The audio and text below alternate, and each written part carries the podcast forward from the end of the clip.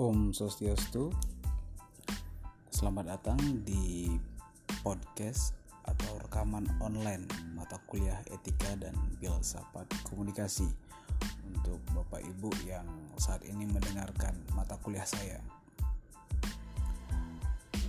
Baik, eh, Bapak Ibu, mengingat eh, kondisi kita tidak memungkinkan untuk tatap muka, jadi proses perkuliahan kita laksanakan secara online dalam beberapa pertemuan online ke depan opsinya mungkin beberapa uh, platform atau aplikasi yang bisa kita gunakan seperti WhatsApp, Google Classroom ataupun Zoom. Nanti disesuaikan dengan uh, kondisional uh, di lapangan seperti itu. Uh, baik Bapak Ibu, uh, pada pertemuan ini lebih tepatnya mungkin Bapak Ibu sedang mendengar ya uh, rekaman online Eh, mata kuliah etika dan filsafat komunikasi ini saya harapkan Bapak Ibu bisa uh, mendengar dan menyimak dengan seksama. Sekaligus uh, saya harapkan rekaman ini tidak mengurangi substansi mata kuliah yang saya sampaikan. Berbicara mengenai etika dan filsafat mungkin sudah sering kita dengar. Mungkin bapak ibu uh, juga demikian. Masalah etika kebiasaan sehari-hari uh, yang merupakan kultur kita sebagai masyarakat bukan hal yang baru lagi. Begitupun mengenai filsafat juga sering kita dengar. Dalam konteks agama misalnya mungkin segala sesuatu yang kita lakukan memiliki makna memiliki nilai memiliki filsafat. Substansinya lebih ke sana Bapak Ibu.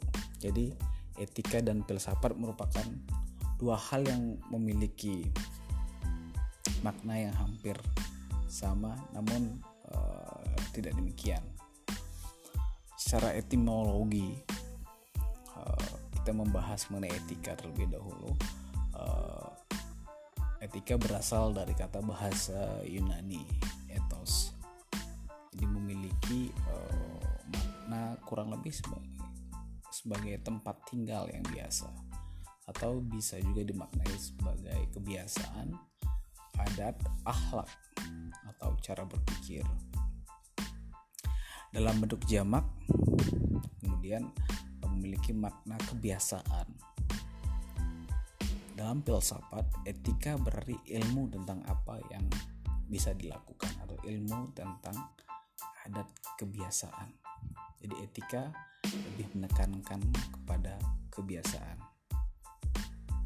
Sebagai contoh, orang itu etikanya kurang baik. Berarti kebiasaannya kurang baik. Politisi itu etikanya kurang bermartabat karena korupsi dan seterusnya. Seperti itu. Itu dalam konteks etika. Etika lebih banyak uh, menelisik dan menyikapi masalah perilaku kehidupan individual seseorang sampai uh, aktivitas atau produktivitas masyarakat dalam konteks etika itu sendiri. Etika bisa dibedakan dalam uh, tiga pengertian pokok.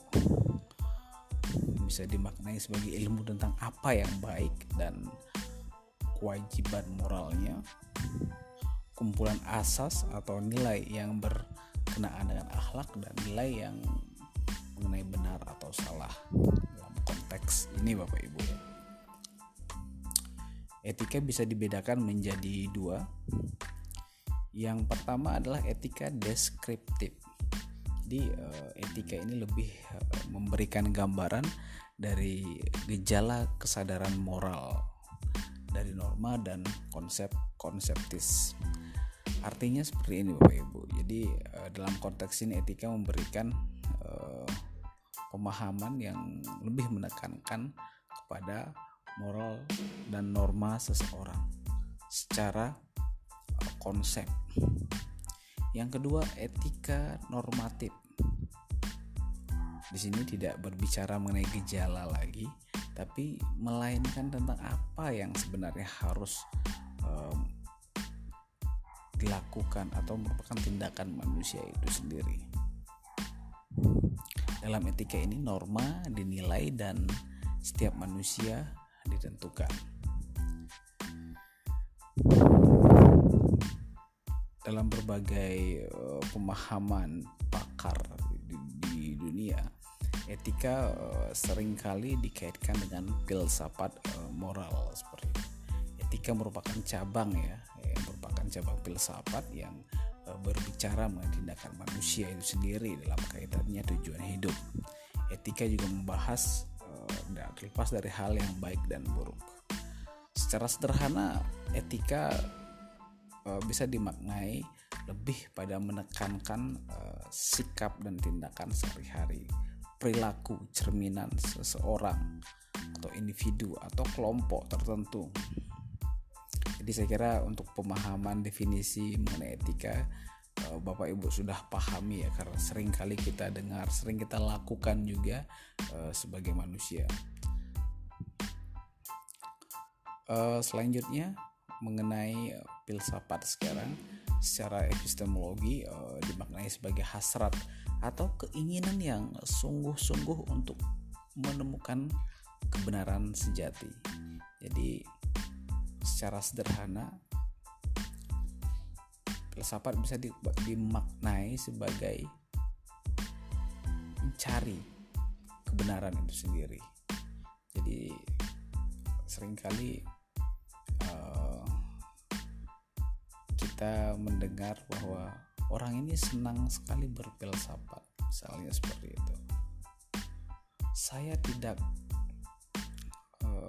mantap melakukan upacara keagamaan kalau saya tidak mengetahui filsafatnya jadi dalam konteks ini bisa dimaknai bahwa filsafat sebenarnya mencari kebenaran itu kenapa dia melakukan itu kemudian mencari alasannya kenapa. Nah, di sini konteks filsafat secara sederhana dimaknai seperti itu. Dalam berbagai pandangan dari tokoh-tokoh dunia eh, memiliki eh, pandangan-pandangan yang uh, berbeda. Namun uh, kalau ditarik benang merahnya memiliki kesamaan yaitu mencari kebenaran itu sendiri. Misalnya dalam kon, dalam pandangan Plato mengenai filsafat jadi uh, beliau lebih uh, mengatakan bahwa filsafat identik dengan kritik mengkritik pendapat-pendapat yang berlaku bisa dimaknai uh, menurut Plato uh, kearifan atau pengetahuan intelektual itu melalui proses pemikiran secara kritis diskusi dan penjelasan. Begitupun uh, tokoh filsafat lainnya Aristoteles juga sama. Yang menekankan bahwa filsafat merupakan ilmu yang meliputi kebenaran itu sendiri ilmu metafisika, retorika, logika, etika, ekonomi, politik, dan estetika. Kata kuncinya adalah filsafat adalah mencari atau mencapai atau menuju kebenaran sejati tentu eh, kebenaran sejati di sini yang dimaksud adalah pengetahuan itu sendiri. Orang yang berakal sebenarnya orang yang memiliki filsafat yang cukup. Jadi orang yang berpengetahuan idealnya memiliki sikap yang bijak. Namun nyatanya di lapangan berbeda. Semakin pintar seorang ternyata tidak berbanding lurus dengan kebijaksanaannya. Itu uh, berbicara mengenai terminologi ya terminologi filsafat uh, sering kali kita mendengar beberapa istilah berkaitan dan bersinggungan dengan uh, kata filsafat. Misalnya mungkin bapak ibu pernah mendengar kata istilah falsafah filsafati atau falsafat. Uh, filosofis kemudian filsafat hidup. Sebenarnya apa sih maksudnya istilah-istilah itu. Apa bedanya dengan filsafat? Apa bedanya filsafat dengan falsafah atau dengan filsafati? Kemudian apa juga bedanya dengan filosofis? Atau filsafat hidup itu sendiri?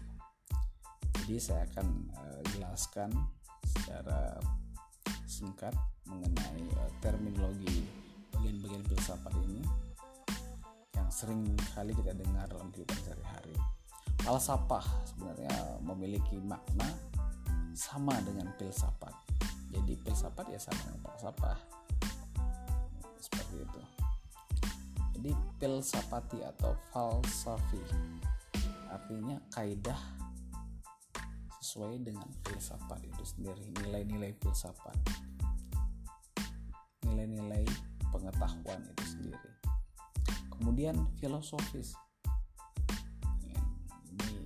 Kadang-kadang orang sering kali uh, berpikir uh, dengan bijak, dengan teratur, dengan kritik yang masuk akal biasanya disebut dengan filosofis. Jadi berangkat dari atas dasar uh, pola pikir atau kebijaksanaan. Kemudian falsafat hidup maaf uh, filsafat hidup bukan falsafat jadi hidup pun filsafat bisa dimaknai sebagai pandangan hidup atau pedoman hidup dengan nilai-nilai tertentu. Saya kira mengenai filsafat hidup ruang lingkupnya uh, cukup luas ya. Karena sebenarnya setiap orang memiliki pandangan hidup yang uh, berbeda-beda seperti itu. Kadang-kadang pandangan hidup kita diadaptasi dari keyakinan agama kita. Kadang-kadang pandangan hidup kita diyakini oleh kebudayaan kita, lingkungan kita, perspektif politik kita, dan dengan siapa uh, kita berinteraksi setiap harinya. Jadi filsafat hidup kita bisa kadang-kadang bersifat pragmatis dan idealisme. Idealisme.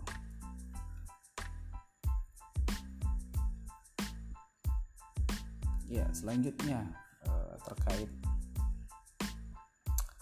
tadi berbicara mengenai uh, filsafat. Saya kembali lagi ke etika.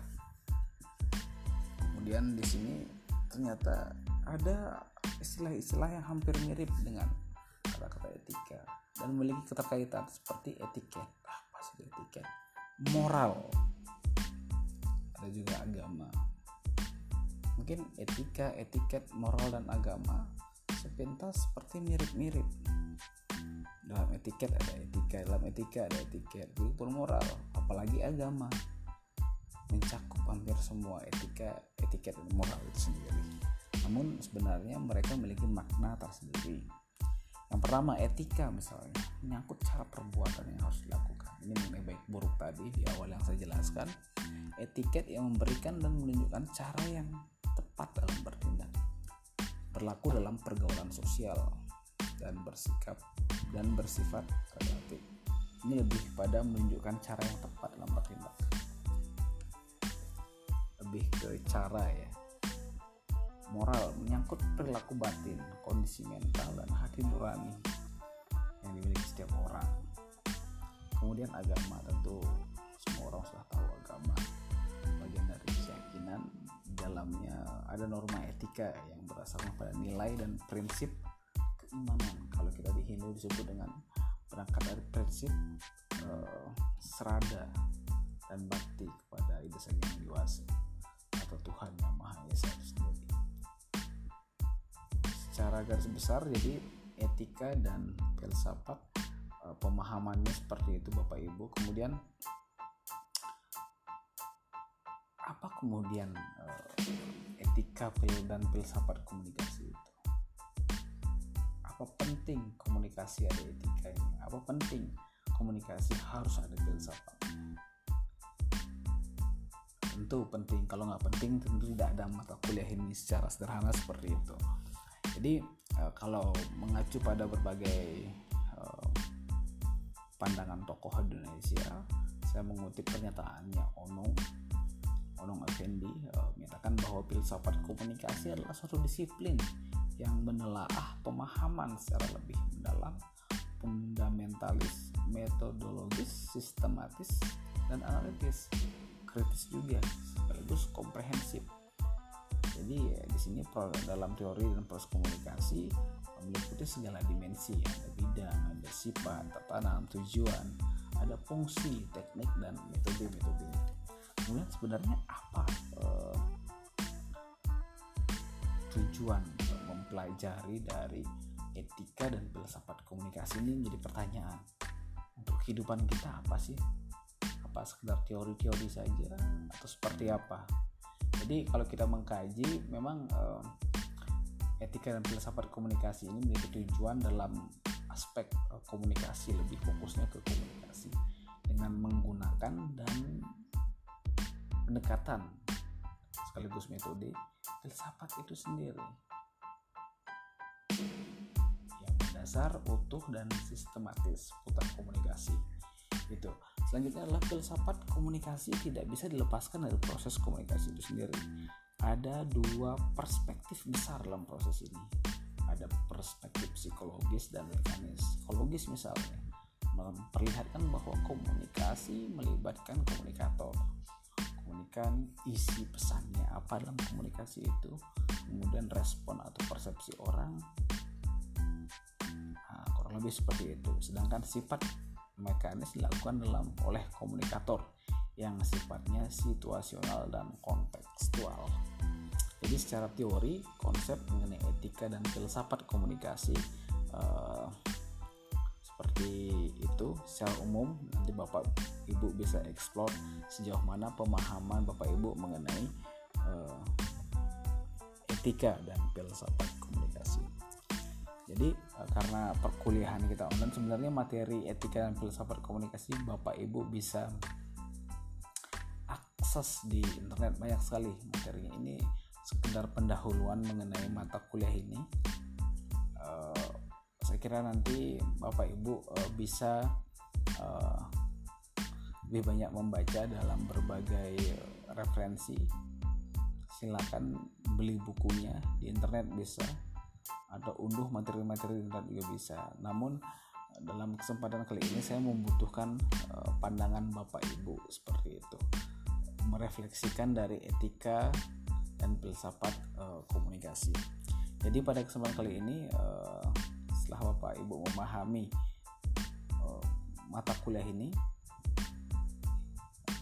Mata kuliah ini kan saya juga sudah jelaskan uh, secara singkat ya, etika dan filsafat komunikasi nah kemudian tugas Bapak Ibu di rumah adalah uh, silakan buat video singkat maksimal uh, berdurasi 10 menit silakan Bapak Ibu jelaskan mengenai pemahaman Bapak Ibu, persepsi Bapak Ibu.